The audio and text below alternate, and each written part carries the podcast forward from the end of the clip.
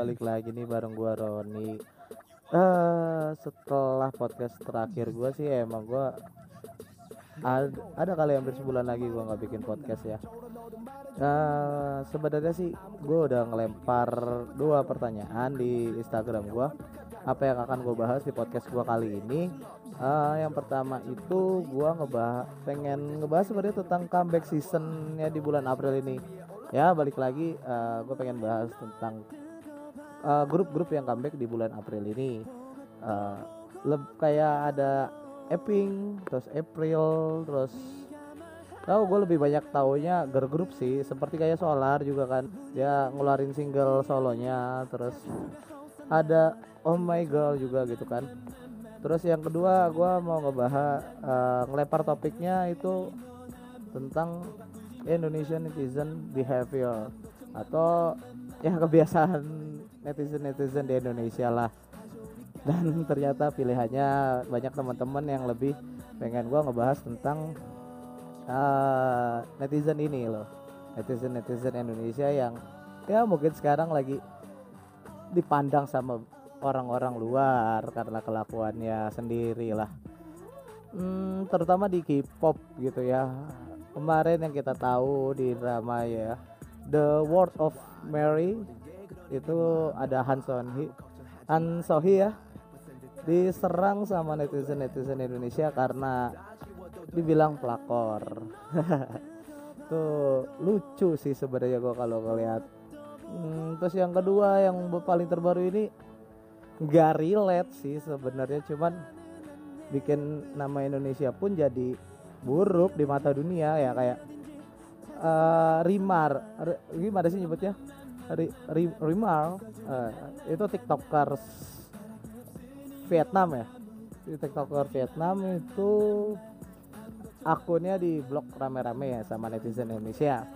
Dan akhirnya para cowok-cowok yang fansnya Rimar ini ya kayak bereaksi dan akhirnya menyerang akun-akun K-pop like BTS, NCT, EXO dan lainnya nge-report tuh kan dan bahkan komen komen-komen negatif juga gitu di akun mereka yang gue lihat itu kan suatu hal yang apa ya jadi nama Indonesia buruk lagi lah di mata dunia ini. Apalagi uh, di dunia K-pop sendiri stereotipnya sebenarnya netizen Indonesia itu sudah buruk di dalam uh, apa ya di dalam kalangan masyarakat Indonesia sendiri netizennya menganggap orang yang suka K-pop itu kan buruk ya.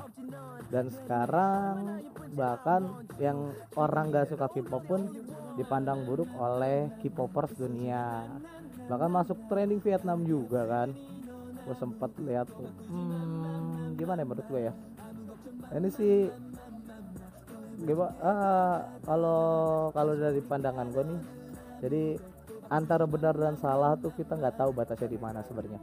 Jadi benar dan salah itu untuk sekarang itu lebih ke kayak batasan masing-masing individu aja gitu loh. Jadi yang menurut gue benar belum tentu lo benar. Yang menurut gue salah belum tentu menurut lo salah gitu. Dan balik lagi kalau kita ngomongin masalah fanatisme memang fanatisme ini menjadi sangat suatu akar yang menjijikan sih di setiap lini gitu. Kayak lu ngefans sama Remar terus ngebuat cewek-cewek lu cemburu gitu cewek-cewek cemburu karena Remar.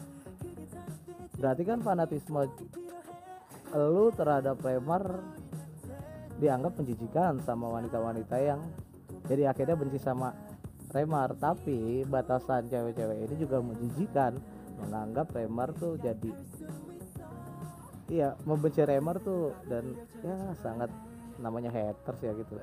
Dan ya batasan-batasan ini sih yang kita harus tahu gitu loh.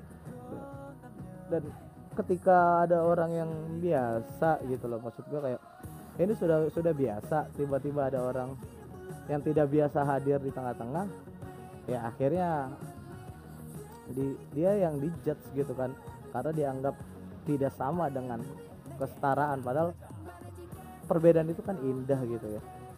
Dan i, gimana ya jadi para K-popers lagi yang kena ujung-ujungnya.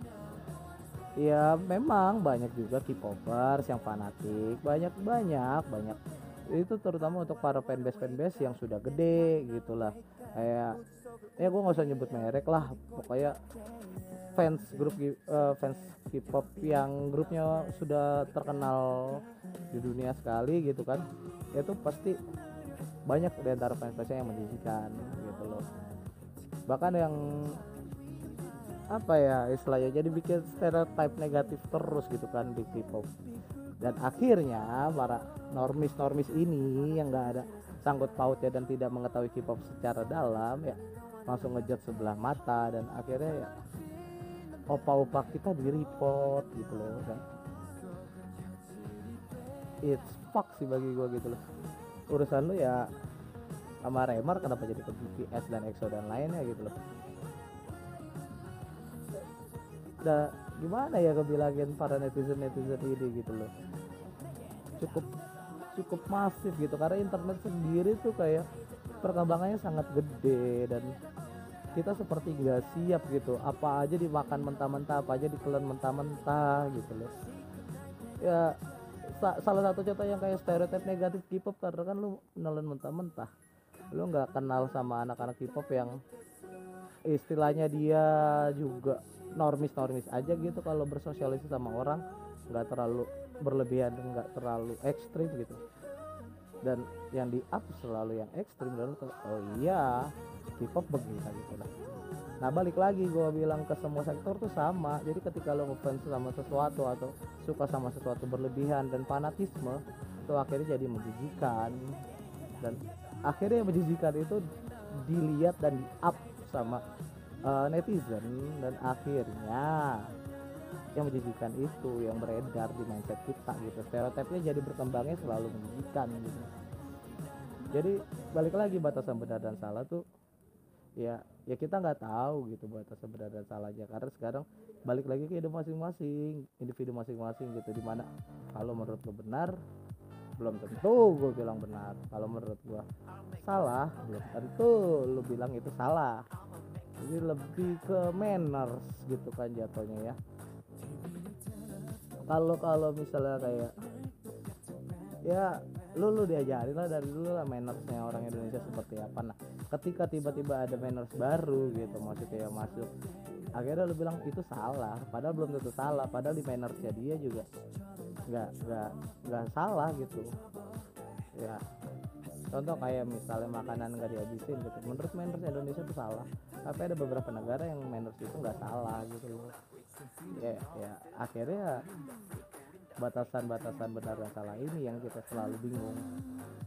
Nah, dan ya internet yang cukup besar ini ada platformnya di Facebook di Twitter di Instagram. Paling sering sih Twitter sih yang lebih banyak. Kayak apa ya perkembangan informasinya beredar banget banyak di Twitter. Jadi orang-orang juga masih pakai Twitter tuh.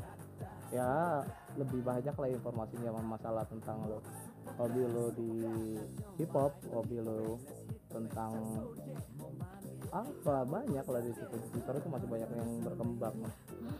Dan ya karena Twitter juga pembatasan karakter ya jadi biasanya pakai tweet-tweet gitu dan bisa lebih menggiring opini gitu loh menurut gua. Tweet-tweet itu Twitter tuh lebih banyak yang bisa menggiring opini kita loh. jadi lo harus hati-hati juga kalau baca-baca tweet ya. Kadang ya ya jadi benar dan salah kan nggak ada nih ya maksudnya bukan nggak ada.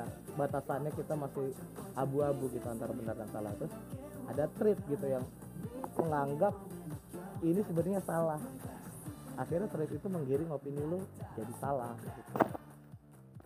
Terus apa lagi ya? Ya ya betul. Intinya kalau lu dapat berita dapat samping gitu ya please lah di di di di ditelaah dulu gitu loh beritanya maksud gua. Jangan jangan langsung ditelan mentah-mentah gitu. Akhirnya ya balik lagi ke apa ya stereotip stereotip negatifnya gitu. Ya gue cuma mau bilangin aja lu jijik ya gue apalagi gue mau bahas tentang yang ini loh Hanson ini. Hanson ini menurut gue ah gimana lu nonton drama dari dulu emang kagak nonton sinetron apa lu? Ya ya gue sih nganggap positif aja Han Sohi ini bisa membawa karakternya dengan baik dan akhirnya dibenci ya. Lu sama aja kayak ibu-ibu yang nonton sinetron gitu loh. Benci sama satu karakter antagonis dan akhirnya lu membawa ya itu yang gue bilang membawa pendapat lu ke publik dan akhirnya ya ya udah nganggap Han Sohi salah gitu. Film doang bro gitu loh. Maksudnya girls bro guys apalah gitu. Ya ya, ya. Dari dulu gue nonton drama Korea banyak yang lebih parah dari Han Soi gitu. Masalah karakter antagonisnya gitu. Ada yang ngebunuh juga terus ya ya udah gitu. Nggak usah sampai diserang Instagramnya juga sampai lu tulis tulis pakai bahasa Indonesia juga kan. Sempat Han Sohinya juga setahu gua storyin gitu netizen Indonesia please denger here gitu kan listen here. Sampai masuk berita sana ya.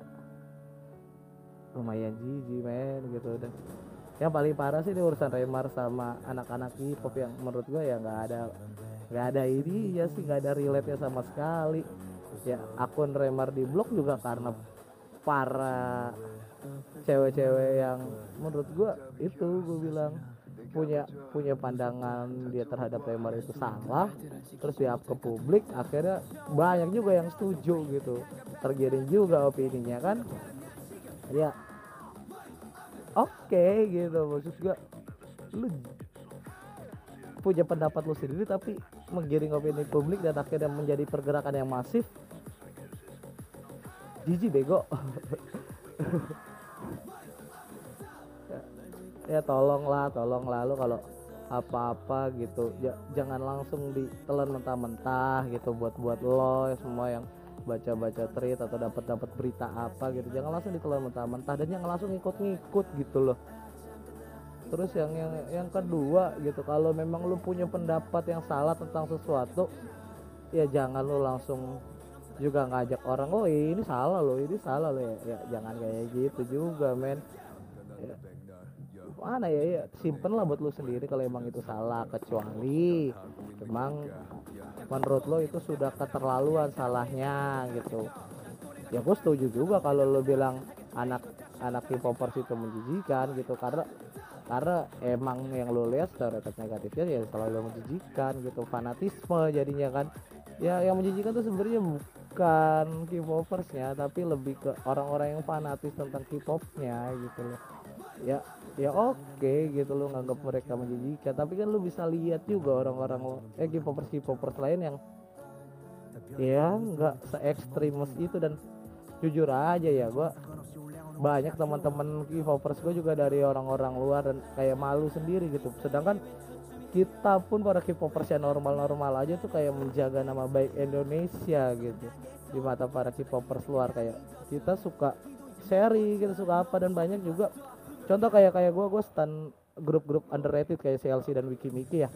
Itu uh, eh, gue suka bikin proyekan-proyekan biar agar nama grup gue juga lebih terkenal gitu dan lebih dilihat sama para fans-fans luar gitu dan bilang oh Indonesia ternyata semasif itu pergerakan buat idol ya. Jadi kita dianggap baik gitu manners ya buat idol kita dan selalu menghasilkan karya atau apa ya menghasilkan sesuatu. Gue nggak bisa bilang karya lah. Menghasilkan suatu project-project yang sangat diapresiasi sama orang luar. Kayak kemarin baru terjadi gue buat konser online buat wiki wiki dan itu lumayan banyak diapresiasi sama orang-orang luar gitu loh. Dan pendengar gue juga memang rata-rata orang luar dari Vietnam dari Thailand dan dari Rusia sih. Dan sampai Kolombia Brazil pun ikut gitu loh di situ. Gue dapat sekitar 70 listener sampai akhir dan total mendengarkannya itu sampai 1400 apa. Dan sempat jadi trending di Indonesia hashtagnya di Twitter gitu kan. Ya berarti kan orang-orang luar mengapresiasi gitu K-popers Indonesia dan ya lo harus lihat itu. I iya kalau memang lo menganggap kita itu jadi sebuah fanatisme tapi kan kita nggak mengganggu lu gitu loh kita kita kita nggak nggak nggak musik lu men. Ya. Ya udahlah kalau lu bilang kita menjijikan ya jangan langsung lu giring opini orang-orang itu gitu loh. Dan yang diserang grup-grup yang sangat besar loh. Dampaknya yang gue takutin. Kalau grup-grup besar ini seperti BTS, EXO, NCT dan Super Junior pun ya mereka pun sebenarnya sering kayak Indonesia gitu dan mereka menganggap fans Indonesia tuh sebenarnya baik-baik kayak Super Junior, si Siwon bahkan jadi uh, brand ambasadornya Indomie kan, tau gue tuh. Ya, iya, iya menganggap kan berarti kan negara Indonesia adalah negara yang friendly. Ke mana gitu maksud gua stereotip kita terhadap orang-orang luar yang menganggap Indonesia is friendly people. Indonesian is family people gitu kan. Ya hilang gara-gara kelakuan lu semua gitu. Lu pada baru main Instagram sama Twitter apa? Baru pertama kali nonton drama Korea apa? Baru pertama kali ngelihat cewek TikTok cakep apa gitu. Dan lu jadi iri ya. Sorry sorry aja di idol gue lebih cakep daripada artis-artis TikTok lo gitu loh. Ya walaupun idol gue juga main TikTok sih. Ya ya gue gue gue gue liat anak-anak idol gue sih banyak yang main TikTok karena memang TikTok tuh platform yang cukup bisa membuat nama lo jadi lebih gampang terkenal. Apalagi kalau lo cantik gitu loh. Iya. Dan gue emang suka nonton TikTok. Gue gak benci TikTok. Gue gue memang suka tapi ya kalau balik lagi ke fanatismean ini yang menjadikan kita ya goblok gitu loh sesuatu yang udah fanatis dan itu jijik goblok bener. Wibu pun gitu. Banyak kok stereotip stereotip negatif ketika masuk ke masyarakat umum yang mereka tidak mengenal hobi kita terlalu dalam. Jadi kita menjijikan gitu. Tapi kan kalau kita ngeliat progresnya di antara K-popers K-popers luar kita tuh selalu menjaga gitu loh menjaga nama baik Indonesia yang friendly ya paling itu aja sih yang pengen gue omongin gak usah panjang-panjang. Please lah gitu lah maksud gue jadi orang yang lebih positif dalam memandang sesuatu. Dan kalau lu benci sama sesuatu jangan langsung mengiring opini orang. Simpen buat lo diri sendiri. Kecuali kalau memang itu sudah menurut lo keterlaluan dan mengusik hidup lo lo cukup cukup itu aja lah bagi gua gitu. Dan kalau lo menerima sesuatu ya uh, apa ya ditelaah baik-baik dulu gitu ya mungkin nextnya gue bakal upload tentang comeback season karena gue memang gergetan banget sama comeback season di bulan April ini. Gila banyak banget grup-grup yang gue suka mulai dari Epping, April, terus ada juga mamamu solar yang jadi solo single ya terus ada juga hmm, yang di awal bulan G Idol ya tuh gila sih. Gue pengen ngebahas itu sih Dati ya oke itu aja sekarang podcast gue terima kasih udah mendengarkan. Please be smart people kayak kata Om Deddy. Jadi kita harus lebih cerdas dalam menilai sesuatu. Terima kasih